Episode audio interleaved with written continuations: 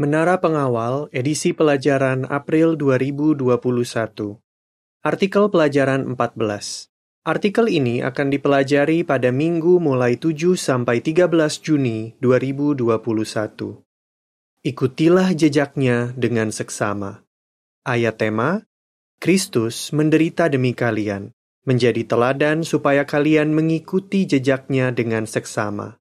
1 Petrus 2 ayat 21. Nyanyian nomor 13, Kristus Teladan Kita. Yang dibahas. Sebagai orang Kristen yang sejati, kita perlu mengikuti jejak Yesus dengan seksama. Di artikel ini, kita akan membahas apa artinya mengikuti jejak Yesus. Kita juga akan membahas mengapa kita perlu mengikuti jejak Yesus dengan seksama dan bagaimana kita bisa melakukannya. Paragraf 1 sampai 2. Pertanyaan: Perumpamaan apa yang bisa membantu kita memahami kata-kata di 1 Petrus 2 ayat 21? Bayangkan saudara sedang mendaki gunung bersama sekelompok orang. Daerah yang kalian lewati berbahaya dan tertutup salju. Di depan kalian ada seorang pemandu yang berpengalaman. Sewaktu dia berjalan, dia meninggalkan jejak kakinya di tanah yang bersalju. Tiba-tiba, pemandu itu tidak terlihat lagi. Tapi saudara tidak panik. Saudara dan kelompok saudara berupaya mengikuti jejak pemandu itu dengan sebaik-baiknya.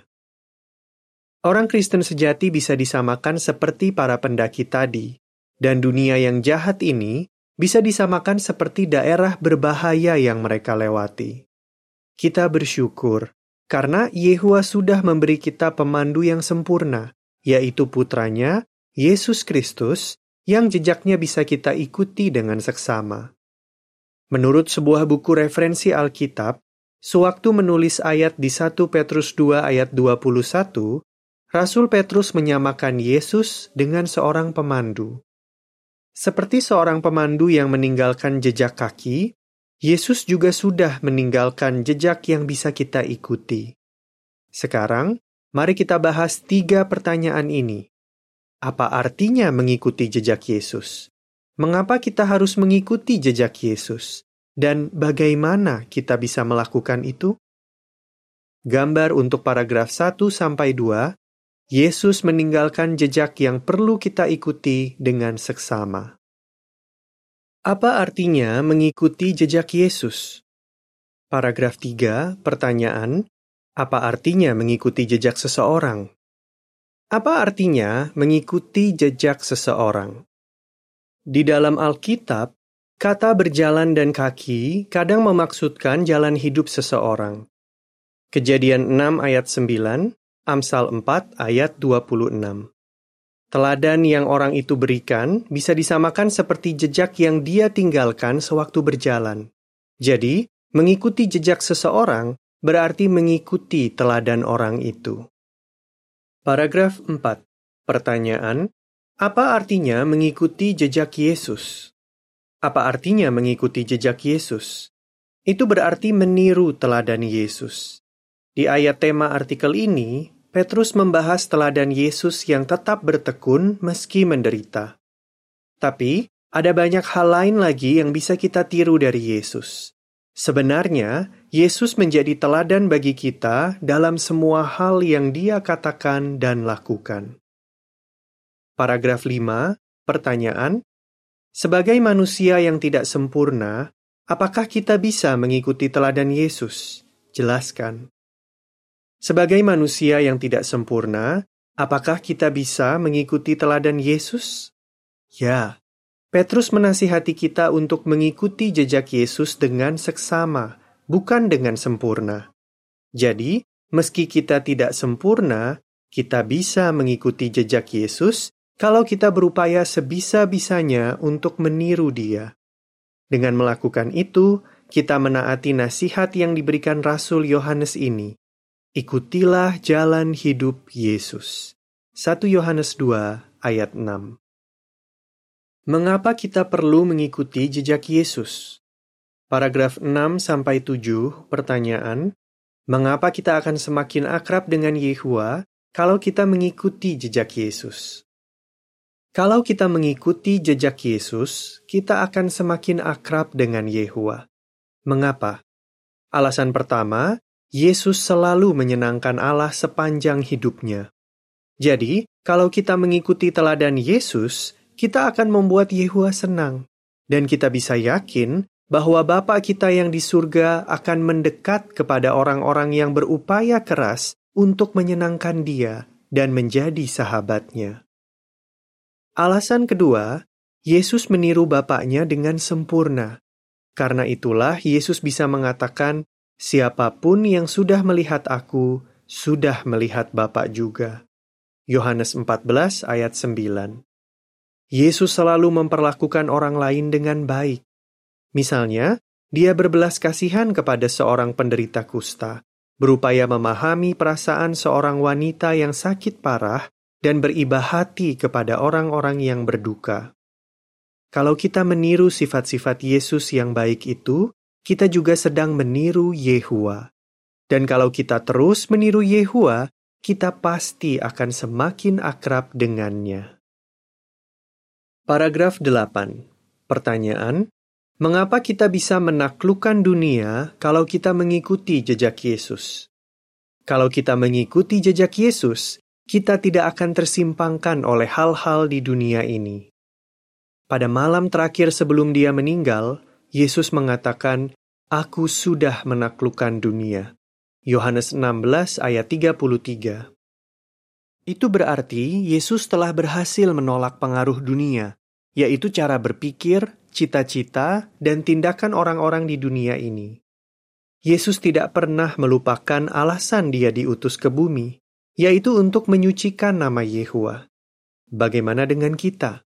Di dunia ini, ada banyak hal yang bisa membuat kita tersimpangkan.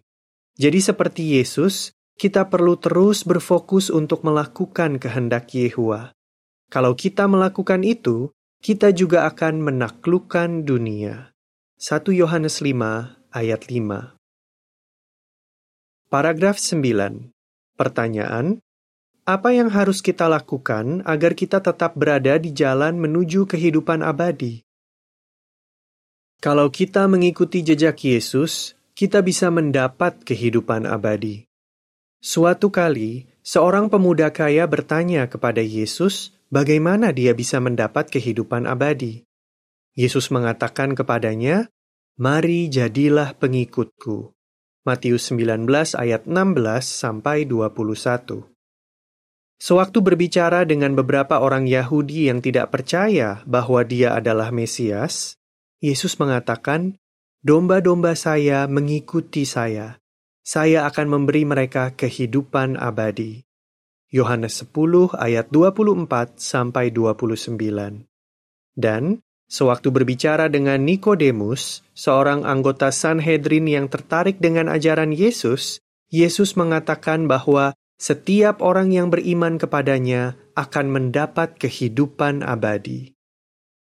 Yohanes 3 ayat 16 kita menunjukkan bahwa kita beriman kepada Yesus dengan menjalankan apa yang Dia ajarkan dan mengikuti teladannya.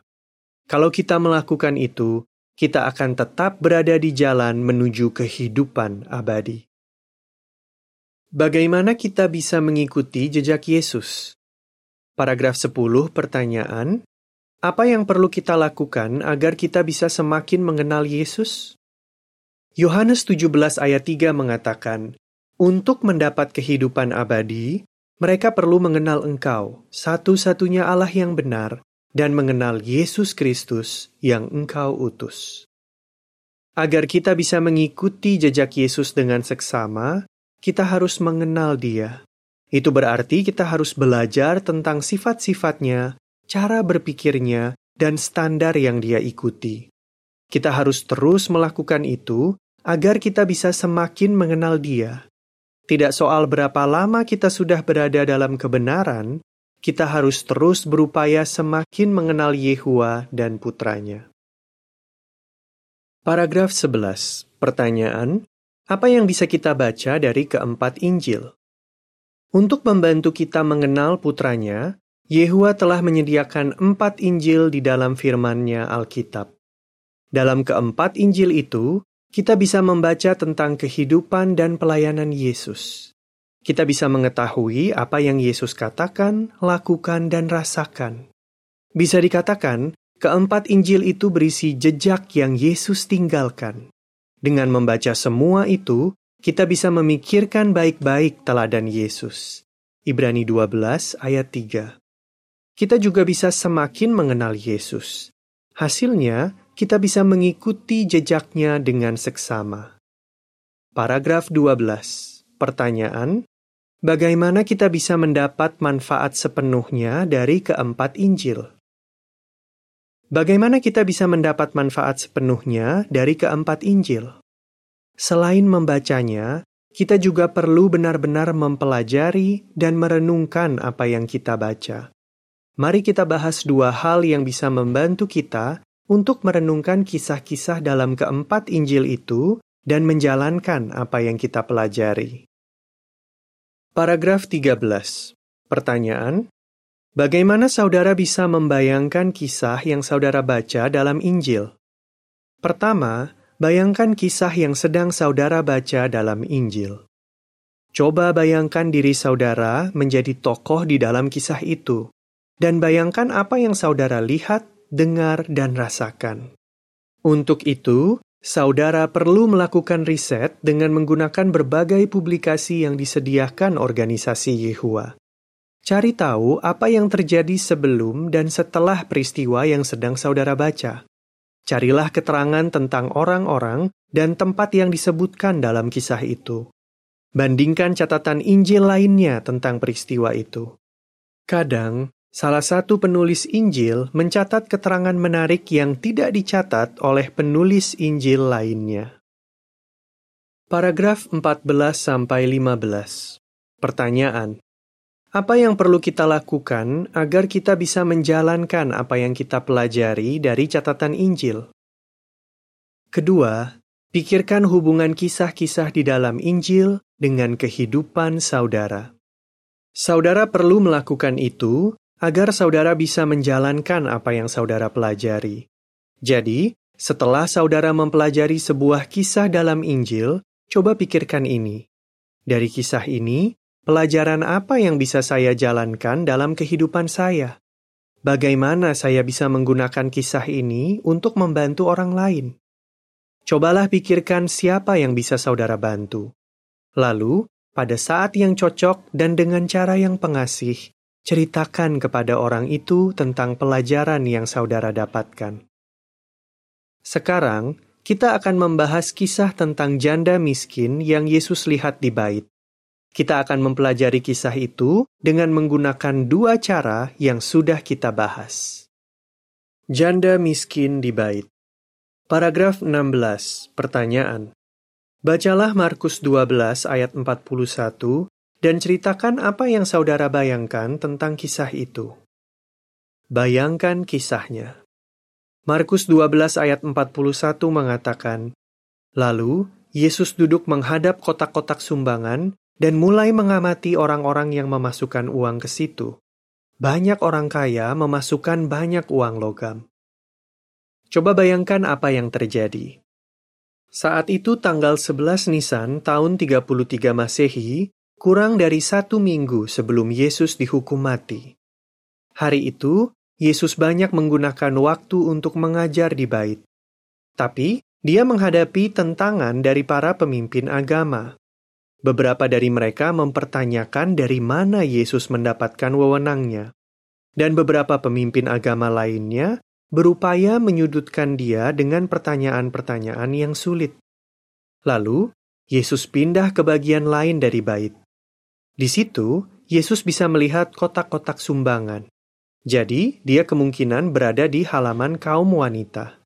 Dia duduk di situ dan mulai mengamati orang-orang yang memasukkan sumbangan. Dia melihat orang-orang kaya memasukkan banyak uang logam. Mungkin Yesus bisa mendengar suara gemerencing uang logam itu sewaktu dimasukkan ke dalam kotak sumbangan. Paragraf 17. Pertanyaan. Menurut Markus 12 ayat 42, apa yang dilakukan oleh seorang janda miskin di bait? Beberapa saat kemudian, Yesus melihat seorang janda miskin. Lukas 21 ayat 2. Markus 12 ayat 42 mengatakan, Lalu, seorang janda miskin datang dan memasukkan dua uang logam yang nilainya sangat kecil. Janda itu kelihatannya tidak punya cukup uang untuk membeli kebutuhan sehari-hari. Tapi, dia tetap mau menyumbang di bait. Dia mendekati salah satu kotak sumbangan dan diam-diam memasukkan dua uang logam kecil. Saat dia memasukkan sumbangannya, mungkin hampir tidak ada suara gemerincing yang terdengar. Yesus tahu bahwa wanita itu menyumbangkan dua uang logam lepton, yang adalah uang logam terkecil pada zaman itu.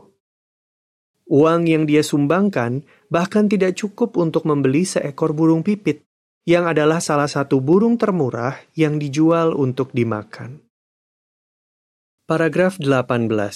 Pertanyaan, menurut Markus 12 ayat 43 dan 44, apa yang Yesus katakan tentang sumbangan janda itu?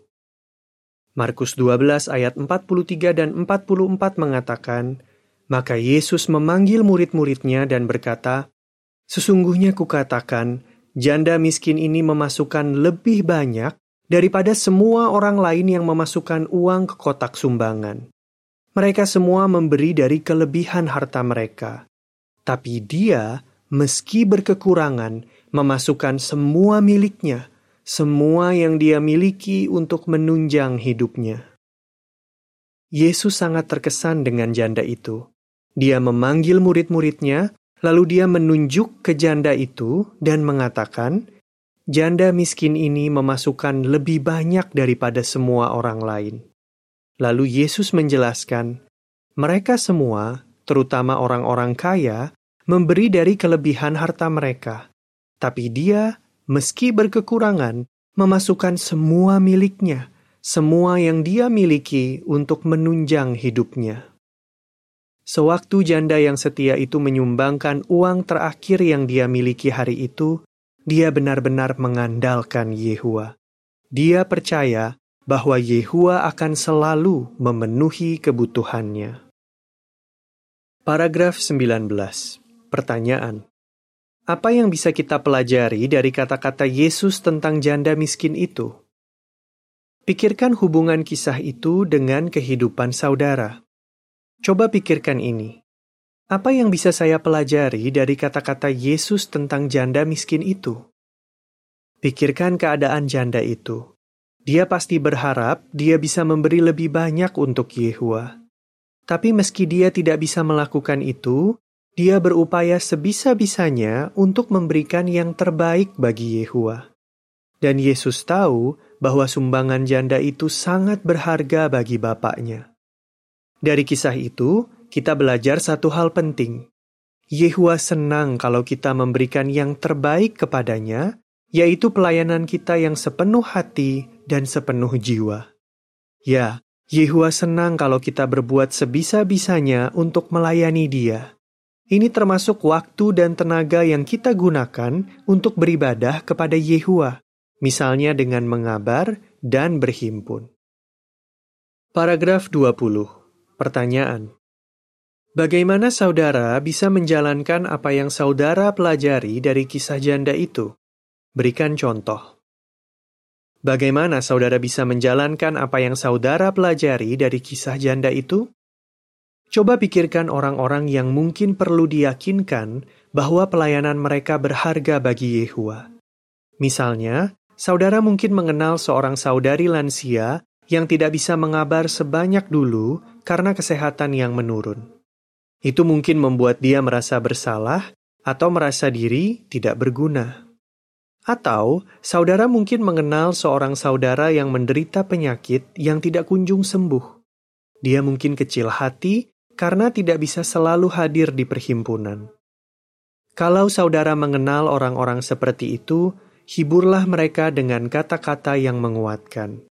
Beritahu mereka apa yang saudara pelajari dari kisah janda miskin itu yang bisa menguatkan mereka.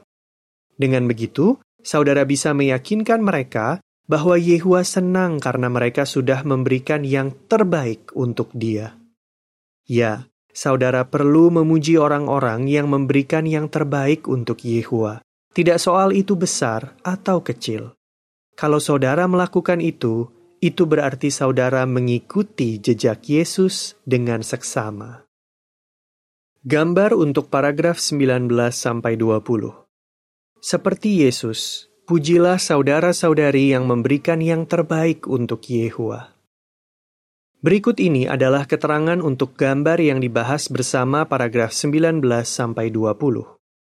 Setelah merenungkan kata-kata Yesus tentang janda miskin yang menyumbang di bait, seorang saudari memuji saudari lansia yang melayani Yehua sepenuh jiwa. Paragraf 21. Pertanyaan. Setelah membahas artikel ini, apa tekad saudara? Kita bersyukur karena kita bisa belajar banyak tentang Yesus dari catatan Injil. Itu bisa membantu kita untuk mengikuti jejaknya dengan seksama. Sewaktu melakukan pelajaran pribadi atau ibadah keluarga, cobalah membuat proyek untuk mempelajari keempat Injil. Ingatlah bahwa untuk mendapat manfaat sepenuhnya dari pelajaran itu, kita perlu membayangkan kisah yang kita baca dan memikirkan hubungannya dengan kehidupan kita. Dengan begitu, kita bisa menjalankan apa yang kita pelajari. Selain meniru apa yang Yesus lakukan, kita juga perlu mendengarkan apa yang Dia katakan. Di artikel berikutnya, kita akan membahas beberapa pelajaran dari kata-kata terakhir Yesus sebelum Dia meninggal. Apa jawaban saudara? Apa artinya mengikuti jejak Yesus? Mengapa kita harus mengikuti jejak Yesus? Bagaimana kita bisa mendapatkan manfaat sepenuhnya sewaktu mempelajari keempat Injil? Nyanyian nomor 15, Pujilah Putra Sulung Yehua. Akhir artikel.